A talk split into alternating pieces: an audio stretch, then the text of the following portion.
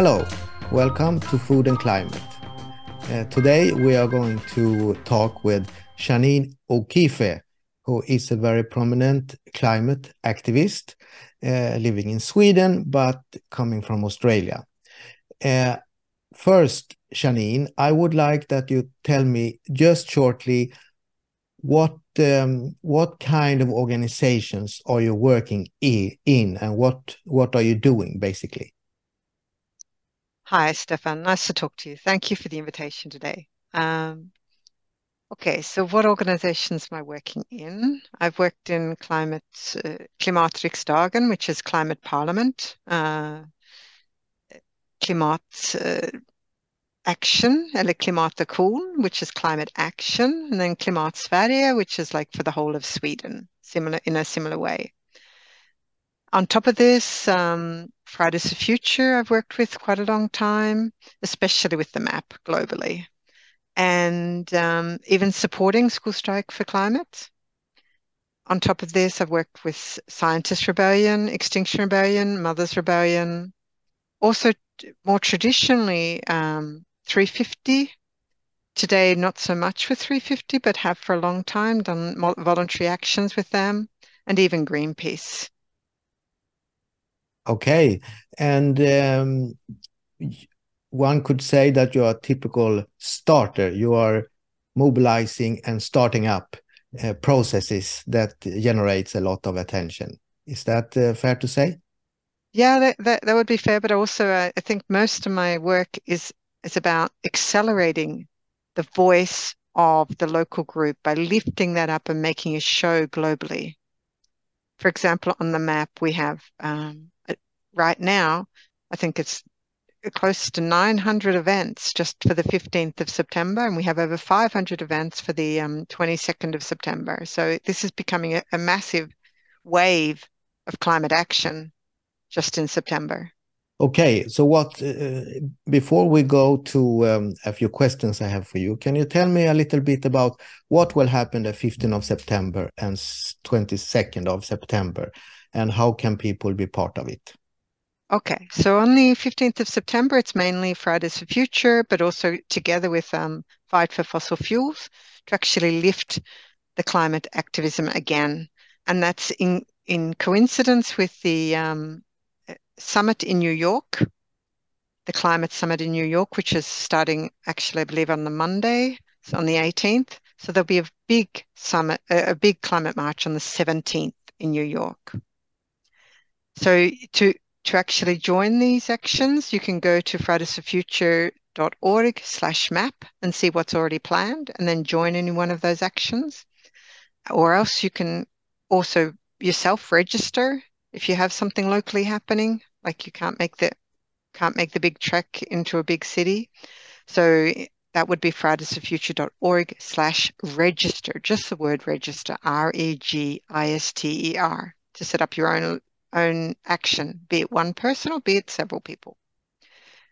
On top of this, that, that those links are also the same for the 22nd, but many places who chose not to be part of the 15th because it wasn't time uh, it didn't fit with them time wise, they've joined on the 22nd. And for example, in uh, the Mothers Rebellion is doing, I think they are now in 24 countries with 67 actions across the world.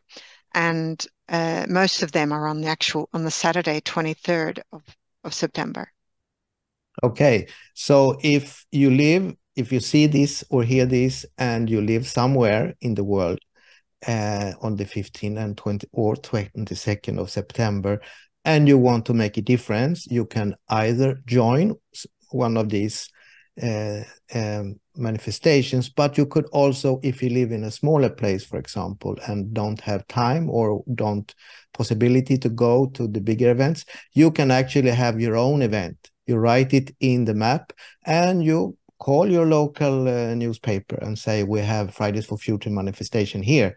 In smaller places, this is news. This is local news. So please do that. Absolutely. And in fact, you might find that the local newspaper will say, yeah, that's just weird. It's just one place. It's not it's not global. So use the map to then point for the journalist to that, you know, there's hundreds of actions happening around the world. And actually, on the map, the journalist can uh, often find the email address for the activist. Say, for example, if you're if you're doing an activity from Linköping in Stock in Sweden, then you can point for the journalist to go look at um, the email address for a person in France, somebody in the US, somebody in Korea, and suddenly they can actually do an article which is global. That often means that the article will get up past the editor. Wow, great. And if you want to hear what Janine said, again, you just repeat it so you have a good instruction what to do, okay? So, Janine, I have my first question to you when it comes to um, the climate crisis and the climate catastrophe. Uh, I think both words are adequate. Uh, we are in both right now, and we the world has warmed 1.2 degrees since the start of the industrial revolution. So we are aggregating CO2. Why is 1.5 degrees Celsius of global warming an important or critical thres threshold? It's actually quite interesting what's happening with the understanding of tipping points. And this work has been largely done by, by Johan Rockström, who's a Swede, so fairly close to you and I, Stefan. And he's now working in Berlin continuing this work with many, many scientists. Now, these tipping points are, are clearly showing, and they're actually even showing a cascading effect. So, in, originally, when the work was done in August 2018, the understanding was that the tipping points would start somewhere between 1.5 and 2 degrees. Just in the last year, it's been very clear that five of them can start before 1.5 degrees and there's no longer just there used to be just nine of them and now there's about 15 to maybe even including the more minor ones probably 80 or 100 so having five of them start around or just before 1.5 degrees is extremely scary because basically we're talking about like a covid syndrome. Once you have one of these tipping points kick in and we're already seeing them you'll see that the uh, it's like COVID. Instead of actually having a linear effect, you can actually see that it doubles every. Uh, COVID doubled every two weeks or every three weeks. In this case, it's possibly doubling every couple of months, maybe a year or two. And that is really serious because once that acceleration begins, that is far harder to stop. Yes. Okay. And, uh, but still, uh, what should we we can add that every kilo or ton of CO2 counts. So we must uh, emit as little as possible and starting right now. Absolutely. But we need to also be careful that we're not just focusing on purely consumption. Yeah. Okay. Many people who focus on consumption feel guilty and yes. don't won't then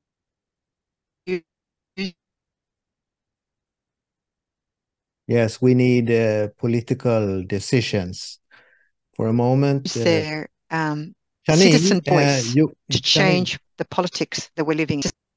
I please uh, um, uh, go back ten seconds because we lost connection with you. Okay, so while it's very important with every ton. Yes.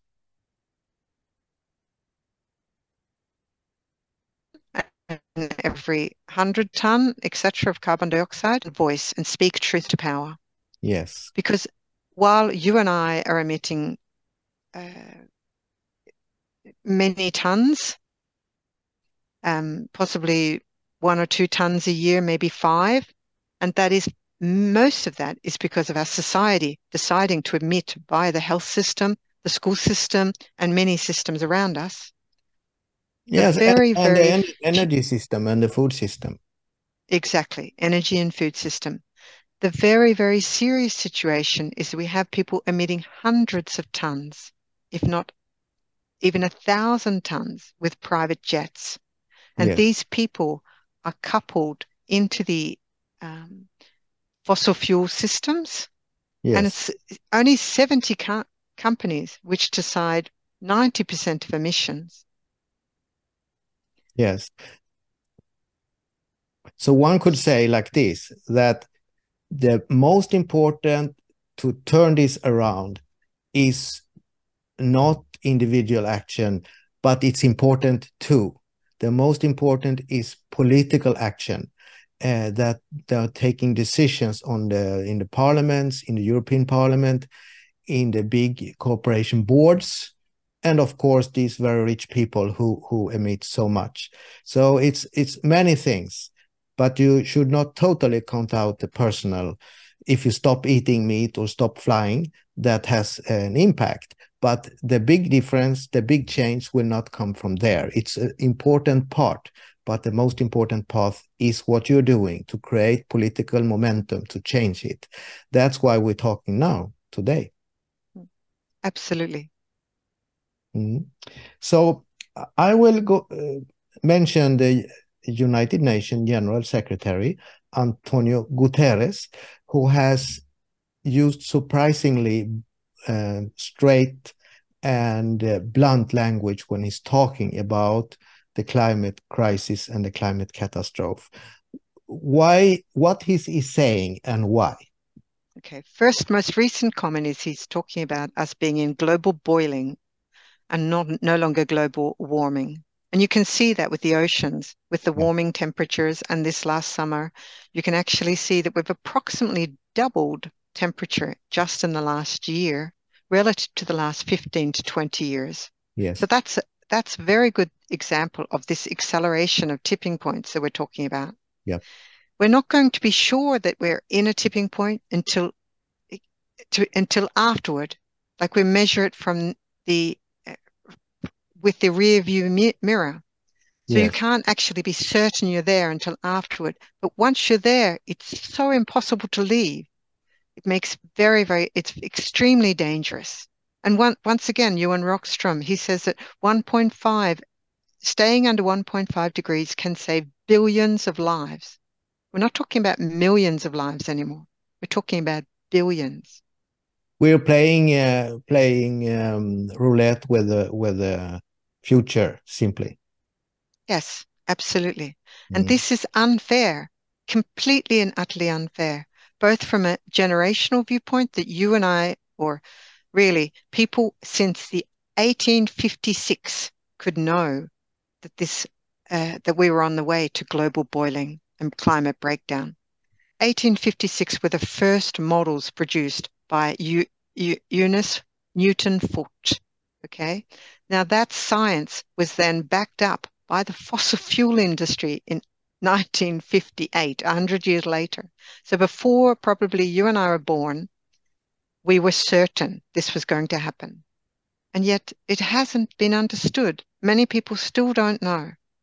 And now that we're in the brink of uh, racing towards disaster, as like the feeling that in 2018, the scientists were saying it was somewhere between 1.5 and 2 for tipping points, and now it's before 1.5, means that we're not just racing towards a disaster. The disaster, the science is bringing, teaching us that the disaster is closer than we thought. Mhm. Um, okay, so you are you have explained what will happen the 15th and 22nd of September, which is basically more mainstream uh, manifestations to put pressure on the political system to act, or and all actors in the society to act. But you also part of a movement that use uh, peaceful civil obedience in the struggle to to save the world. Why do why is that? Okay, so we what we saw in 2018 and 2019 with Fridays for Future, where 66% of people, it, it was originally around 2% before 2018, and then 2019, the UN record that 66% of the entire world population considered that we were in climate emergency. And did much happen? So the some politics were changed in the EU. Some politics were changed. Definitely, Uruguay, New New Zealand, and even Denmark stepped up. But Sweden. It, uh, let me give credit to this movement. For example, among other things, the election to European Parliament in May 2019. It was definitely affected. You got more politicians working for this, and in this, in the next step, uh, sharpened, I think, the the decisions they took in the European Union the coming years. So we should give a great credit to this movement to actually have made a difference. Thank you, and I appreciate that. And I think I think you're you're correct. But I also like if we look at Sweden, how much was changed? And even if you I'm Australian by birth, and I saw the disastrous fires of 2019 to 2020. How much changed? I would say trivial. Yes, that's right. And this is revolting, mm. absolutely revolting, because those fires, I don't know if you know, but those fires spread now at a rate of up to 250 kilometers an hour. Mm. A fire front, instead of being 10 meters wide or maybe 100 meters wide, could be kilometers wide. The fire used to be, it was classified as a fire if it was like half a meter high or a meter high. And now sometimes it's a wall of fire, which is 10 meters high. So um, if you yes, if you talk to the firemen, all they say, all you can do is just evacuate. Yes. You don't have a hope. And these fires need to burn down to the sea. That's what happened. That's what I understand happened in Hawaii with 100 people dying, or maybe it's even 200 just uh, in 24 hours. Yes. It's just revolting that they were not warned. And equally so, when Fridays for Future and Extinction Rebellion and other organizations lifted the understanding of climate emergency from 2% to 66%, the chance was there for every politician to step up. Did they step up? Some of them did, but not many. Mm. So therefore, we have to look at what created democracy. What were the tools which were used to bring democracy to, uh, to us? And it was used not just in democracy, it was used for the printing press, it was used for um, eh, freedom of religion, so freedom of speech and printing, the even it was used commonly for um, suffragette, the women's vote, and there's and civil rights, the black vote, and even gay rights. What was the mechanisms used there? It was civil disobedience. Mm. So you mean peaceful civil obedience was a necessary part for all these changes you mentioned now? Yeah.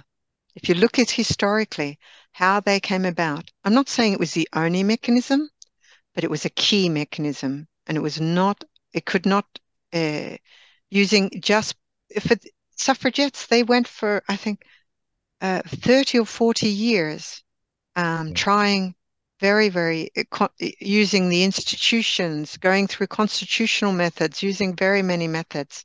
And then in the last five to 10 years, they used civil disobedience. And that was the key which brought, thing, brought the change.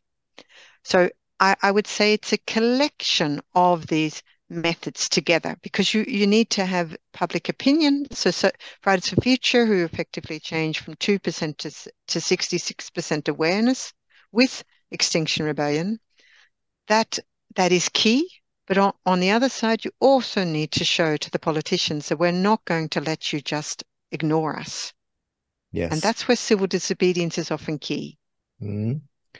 And uh, can you then tell me a little about the climate justice activist movement here in Sweden? Uh, so especially those listening here in Sweden, what they can do, what they can uh, contact. So with this, um, during the 20, from the 15th to the 22nd, there's actually a, a sort of large uh, a, a Swedish um, collection of many many organizations called Week of Action.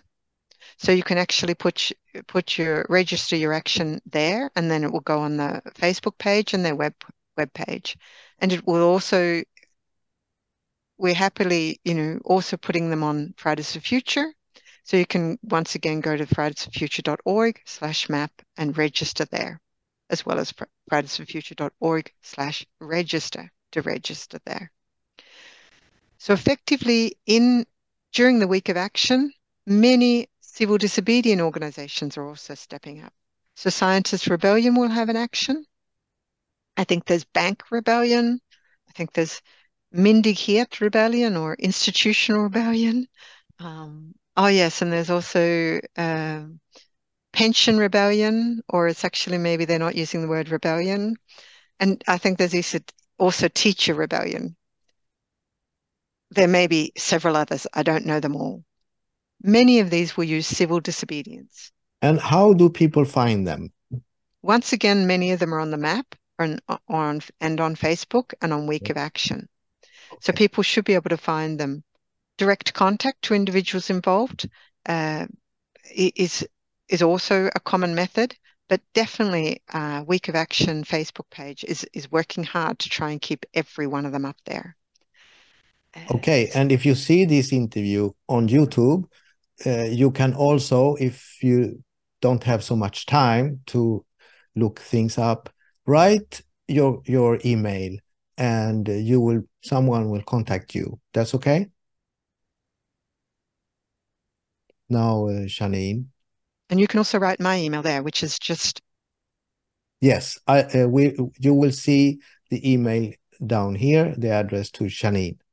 Okay, Janine, we go to the um, just to summer summer things up. There are a lot of things that people can actually do uh, to make a difference. So to repeat, um, if you want to make a difference, the most obvious things to do always is vote. Even if you think most politicians are inefficient, they don't care enough about this, there are still differences between the parties and the politicians. So try to select the best political party when it comes to dealing with the climate crisis uh, and just what you your analysis of what to vote for could be uh, any color of that party. The important thing is that you really look it up and vote for the climate, not for conservatism or liberalism or something. You just vote for the climate. And the second thing is to write letter to the editors or insändare in Swedish. It's very easy to do. They take it in, write something that you are angry or that you demand action. And um, has told us about different kind of manifestations, Fridays for Future or Extinction Rebellion, for example, or different kinds of other civil obedience movements. Something you want to add to that? I think it's really important when we talk about civil disobedience to know what the UN is saying so, for example, uh, 50 people over, over there's over 50 people charged with sabotage now here in Sweden for civil disobedience. I'm one, and yet the UN is quite different in their view on this. They think climate justice activists shall be just asked, never be charged, never be sent to jail, never be charged with sabotage, never be charged with treason, and never be ch- charged with sedition and just be given work on climate because they see the climate is that important. So I think it's important to mention that the UN is very clear about that requirement and would prefer to see climate justice activ- activists given work to teach in schools about the climate breakdown rather than being treated as if they're terrorists, which is completely and utterly wrong. Okay, Janine, to to some to end this uh, uh, very good conversation, what um, what kind of hope can we still have to to help us in the in the fight? Because we must have hope also, not just gloom in the future. We have each other, and I think that's important. And we have, and I think the our communities together are far stronger if we listen to the science and one example of the recent science which has come out, not just um, to restore the wetlands or to Stella Vortmaker, but also I don't know if you you read, but in the U.S. they've actually done what is called um, uh, stone fencing or stone collections. Okay, so they put stones in the river and slow down the water. And slowing down of that water actually means that the the entire river system becomes like a a, a wetland or the Stella mike. And that actually does a, a, a massive amount of draw, drawdown in comparison to where the old rivers were flooding very fast. These rivers now slow, flood or they flow. They flow far slower, and that slower flow leads to a far greater drawdown.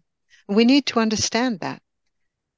And the truth is, we haven't really started looking at really good mechanisms. We've just been focusing that, okay, it'll be the engineering that does it.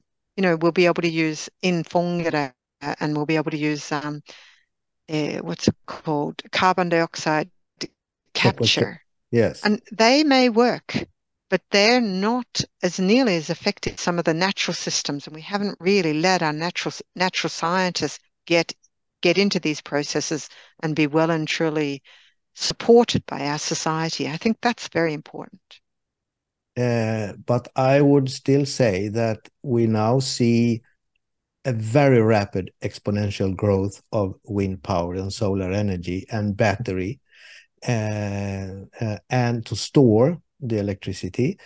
Those are totally important parts. And we see now in United States, uh, European Union, China, many countries, a lot of things happening. But it's not enough. We need more and stronger political action. So there is some glimmer of hope, but there are also desperate need for action. Absolutely. And even, for example, with storage, look at the Swedish water. We, we rely basically on water power here in Sweden, and they're actually a form of storage of power. And then we can use local water storage as well. So there's storage doesn't have to just be batteries. No. We can be more open with our with our ideas and be more what I would say inventive. And that that's what's happening now. You're seeing the actual breakdown of this belief that it's just the old ways. And that's important for us to mm-hmm. rethink mm. and uh, find new ways together, especially local community re resilience, which wind power is the perfect option for. Yes. Okay, Janine, thank you so much. Um, I would like like to say to you who listened or saw this that please subscribe on YouTube and follow on uh, uh, podcasts and uh, also um, like this video if you like it. And um, I would also ask you once more to tell where to go to register for these two manifestations during September. So we had that as a final point. Okay, so it's fridaysforfuture.org, O-R-G, then slash register, just the word R-E-G-I-S-T-E-R to register, and then to find something would be fridaysforfuture.org slash map. They're the easiest methods. Okay, so see you around uh, during these events very important. And uh, thank you, Janine, again. Thank you. And thank you who listened and saw this. Uh, we'll be back next week with another interview. So thank you for listening to us.